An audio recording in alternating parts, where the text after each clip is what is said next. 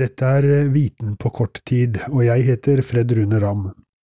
Vest-Sahara var den farligste plassen i verden, vel å merke for nesten 100 millioner år siden. Området som i dag utgjør Marokko og Algerie, var da et blomstrende landskap med planter, elver og innsjøer.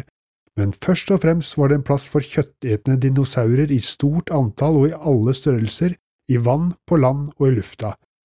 Paleontologen Nisar Ibrahim og hans team publiserte sin rapport i tidsskriftet Zoocase nå i april.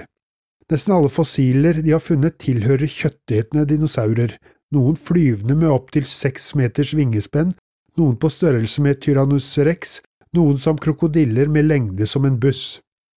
De var spesialisert med tanke på hva de foretrakk å spise, men de største hadde tenner som kjøttkniver, mens det raskeste monsteret var fire–fem meter langt.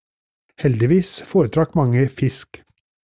Hvorfor det er så få spor etter planteetende dinosaurer som ellers var de vanligste i verden, er det usikre svar på. Men skulle du som menneske havne oppi dette, sier Ibrahim at du ville fått utallige måter å dø på.